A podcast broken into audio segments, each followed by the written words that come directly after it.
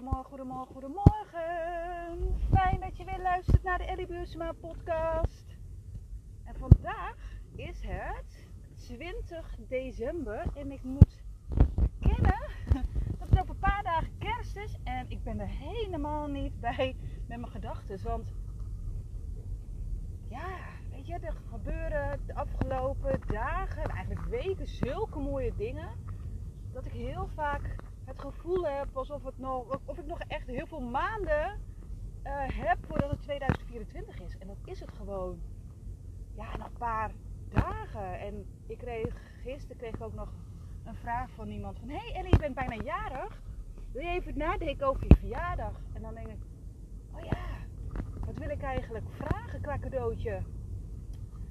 En toen kwam het direct, hoppakee, onder de douche kwam er eigenlijk naar boven. Ik hoef eigenlijk helemaal niks, want ik heb eigenlijk alles al.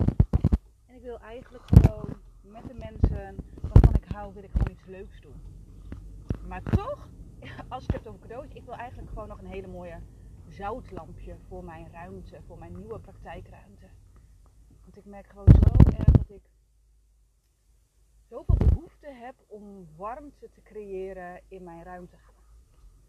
En, uh, en als ik kijk nu naar de andere ruimte en de ruimte die ik nu heb, dan zit er zoveel warmte in. Ook in de aankleding, gewoon hoe het er is. De sessies die ik heb, echt, het is zo fijn, zo fijn. Maar wat ook heel erg fijn was, is dat ik afgelopen zondag ben ik naar Almere gereden. Ik was ook nog nooit in Almere geweest, dus dat was echt voor mij ook wel een ontdekje plekje. En ik had zo mooie ochtend en middag met de vrouwen van de, nou ja, het was eerst Holistica Community. En we noemen het nu op dit moment even nog onze community. We hebben nog geen naam. Het was zo mooi. Het is een online community waar we ook fysieke meetingen hebben. En dit was de eerste. En we gingen allemaal naar Almere. Want iedereen woont overal in Nederland. En het was zo mooi was zo mooi. Vrouwen onder elkaar en dat je mag zijn die je bent. Dat het goed is dat je er bent. Dat je het spannend vindt dat je er bent. Dat je het heel lastig vindt om, om er te zijn. Dat het gewoon al uitspreken dat je het spannend vindt om met vrouwen te verbinden. Ja. En dat je er toch Echt waar niks moeten, alles mag. En we hebben daar gelachen. We, ehm, we hebben ook gewoon minuten of tijden gehad dat we gewoon niks zeiden. Maar dat we eigenlijk alleen maar voelden. Dat we, we hebben geknutseld. Intuïtief knutselen. We hebben healingen mogen geven. We zijn lekker naar buiten gegaan. Heerlijk. En als ik dit nu zo aan het opnoemen ben, merk ik dus dat ik de verkeerde kant op rijd. ik ben nu gewoon de verkeerde route aan het rijden. Ehm, dit is de route naar mijn oude praktijkruimte. Ja, um, ik doe het, ja, grappig. En, ehm, maar echt, echt, echt, het was zo fijn om dit met vrouwen te doen. En eigenlijk zeiden we allemaal, we doen dit te weinig. En misschien heb je dat wel vaker. Ik heb dat vaker als ik naar de schoonheidsspecialist ga of naar de masseur, denk ik, oh, dit doe ik te weinig. En dit was dus ook zo je omringen met gewoon gelijkgestemde vrouwen. Eigenlijk al gewoon met vrouwen. En dat iedereen goed is zoals die is. We hebben allemaal ons eigen eten meegenomen. En het vet zat vol met lekker eten. En ik moet zeggen, de tijd vloog voorbij. En we zeiden allemaal, dit moet gewoon een vaste evenement zijn in de community. En daarna heeft Annemieke nog dinsdag heeft ze nog gewandeld met mensen. En deze week hebben we ook nog hele mooie welkomsessies met het team. Voor de vrouwen die lid willen worden van de community. En het is gewoon zo, zo prachtig. Echt waar. Dat was als eerste. En ik kreeg ook deze week weer, want het is nu woensdag, kreeg ik weer zulke fijne vrouwen in mijn praktijkruimte. Maar maandag had ik echt, ja, misschien wel de leukste klant natuurlijk. ik had gewoon een heel mooi meisje van vijf maanden. En ik ga daar niks over vertellen qua inhoud. Hè, want oh nee, doe ik niet. Maar het was zo mooi en liefdevol om dat meisje te hebben. Want ik realiseerde mij dat natuurlijk iedereen trauma heeft.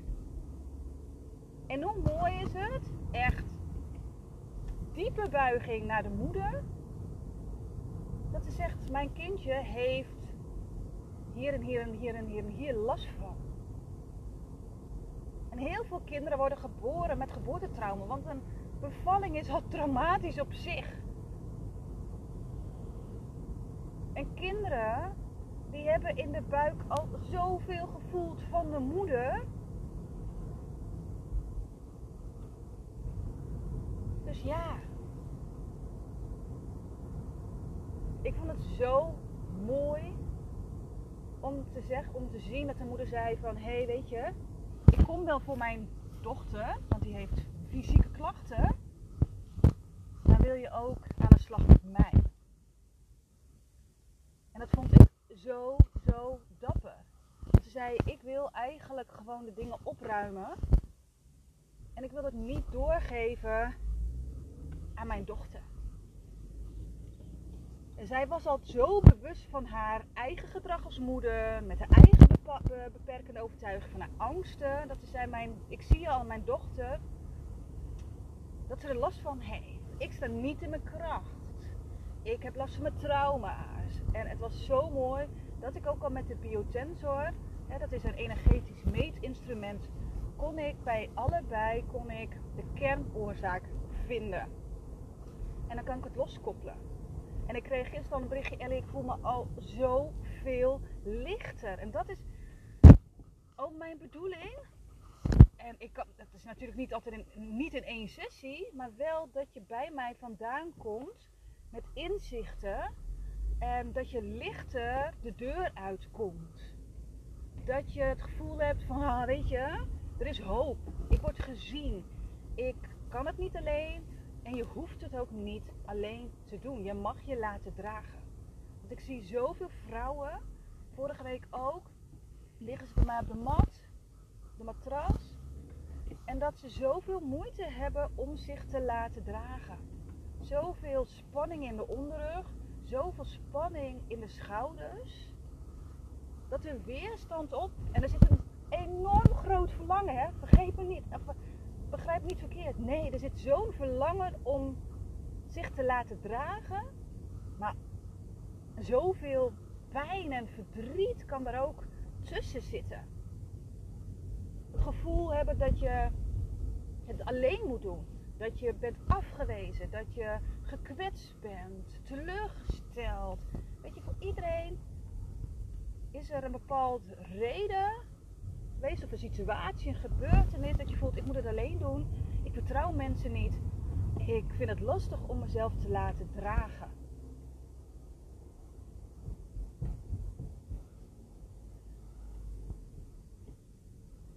En dat geeft het lichaam aan. Het lichaam geeft zoveel dingen aan. En deze week ook weer. Poeh, weet je, we zijn echt op onderzoek gegaan naar de taal van jouw lichaam. En heel veel mensen zeggen dan dat van hoe lang duurt dit?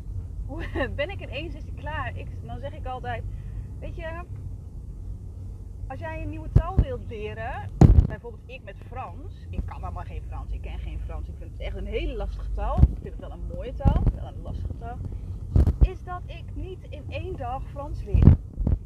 Dat is oefenen, oefenen, oefenen. En dat is dus ook weer de, ja, de taal van je lichaam leren kennen.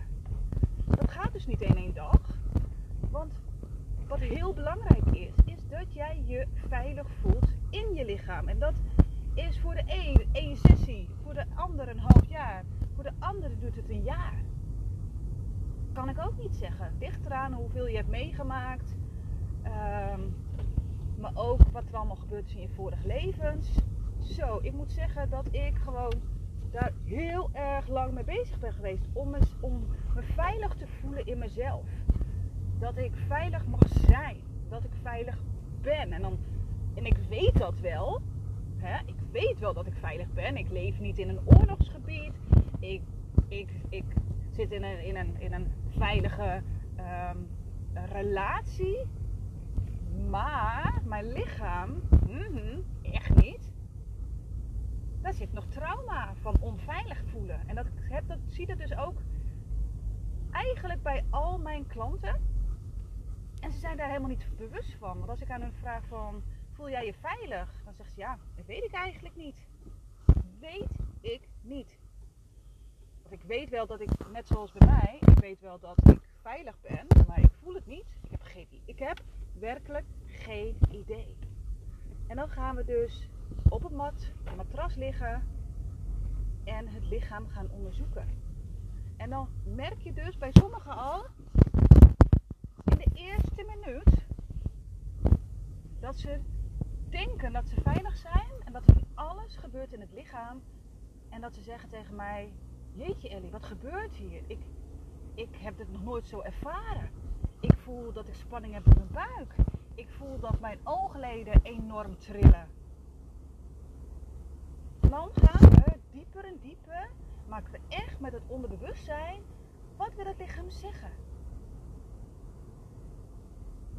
En dan komen de mooiste inzichten, maar ook verdriet. Tuurlijk. Er komt verdriet als jij aan jouw oogleden voelt dat ze trillen omdat ze het spannend vinden. Omdat ze hun hele leven altijd de omgeving hebben moeten checken. Dat ze constant op die alertheid staan van die grote ogen. Ik zie dat ook heel snel bij mensen. Ik had dat vroeger namelijk ook van die hele grote ogen. Constant scannen op gevaar. Is de buitenwereld, buitenwereld is mijn omgeving wel veilig? En het mooie is, als we daarmee bezig zijn, als we de spanning eruit halen, dan merken ze ook, oh, ik heb minder hoofdpijn. Ik voel minder spanning in mijn lijf. Het mooie is dat je van het weten, je gaat echt voelen. Je gaat echt, echt voelen. Je maakt verbinding met je lijf. En dat is stap voor stap. Voor de een is het voelen dat ze voeten hebben. Dat die voeten bij je lichaam horen. Heel veel mensen met trauma hebben geen verbinding met hun voeten. Omdat ze zijn bevroren. Weet je, oeh, bevriezen, vechten en vluchten en mensen pleasen. Maar als een situatie is wat heftig is, wat gaan mensen heel snel doen?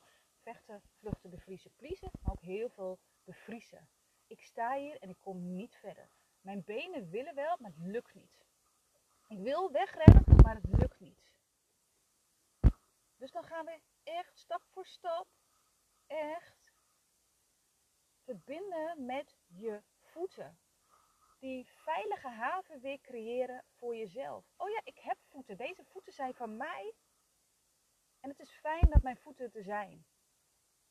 Het is daarom ook niet voor niks dat heel veel mensen in hun hoofd zitten, omdat ze die verbinding niet meer hebben met hun onderlijf. Voor heel veel mensen zijn de eerste drie chakra's die zijn geblokkeerd. En wat ga je dan doen? Ga je in de bovenste chakra's leven. Maar dan ga je zweven. En dan voel je je helemaal niet thuis hier op aarde. Blijf je wankel. Je allemaal klachten.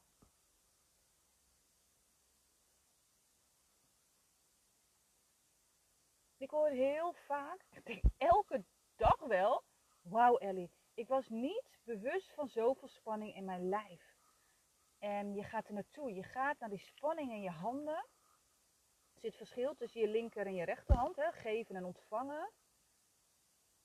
Dat je de spanning in je rechterhand heel erg voelt, bijvoorbeeld. Omdat jouw hand een beweging wilde maken. Die wilde zeggen, ho, stop, niet verder. Of dat je iemand eigenlijk een klap wilde geven. Of je wilde iemand een duw geven om je af te weren. En dat heb je niet gedaan. En die spanning kan je nog steeds ja, in je lijf zitten. En in mijn sessies ga je dat dus ook voelen. En dus ook die spanning in je linkerhand, want die kan ook enorm die spanning voelen in je linkerhand. En dat je die spanning los kan laten tijdens een sessie en dat je enorm moet huilen, omdat je nu voelt, oh, ik heb zo erg verlangens om liefde te geven aan mezelf, maar door die spanning in mijn handen, er zat zo'n enorme blokkade om die liefde aan mezelf te geven. En ik heb nu zitten huilen. Ik kom nu bij mijn verdriet. Want wat ik zoveel mensen uh, tegenkom is, ik voel heel veel verdriet en ik kom er niet bij. Ik kom er niet bij. En ik moet zeggen, mijn tissue box wordt heel erg goed. Um, ja, hoe zeg je dat? Gebruik van gemaakt. En eigenlijk, eigenlijk is dat yes. Jij voelt weer. Jij voelt je verdriet. Jij voelt je boosheid. Je voelt je pijn. Je voelt je machteloosheid. Je voelt dat jij je onveilig hebt gevoeld. En vanuit daaruit kan je die trap omhoog doen. Want die pijn en verdriet en die machteloosheid en die walging, die zit vast in je lijf. Dat zijn die emoties die je hebt weggedrukt, die, je, die er niet konden zijn, die je niet kon verwerken omdat ze te heftig waren. Maar als dat in jouw lijf zit, dan kan er ook joy in je lijf zitten en plezier. En verbinding en liefde en veiligheid. En hoe mooi is het dat?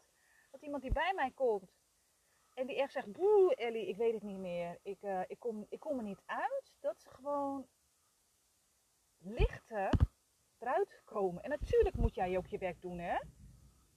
Tuurlijk. Het is niet zo, je komt bij mij en, uh, en alles is klaar. Nee. Totaal niet. Je moet het nog zelf doen. Maar ik help jou. Ik help jou te leren, eigenlijk te voelen dat jij een lichaam hebt. En dat dat lichaam steeds veiliger wordt. En dat het dus jouw veilige haven gaat worden. En waar jij je echt kan geven, waar jij jezelf dingen kan geven die jij nodig hebt.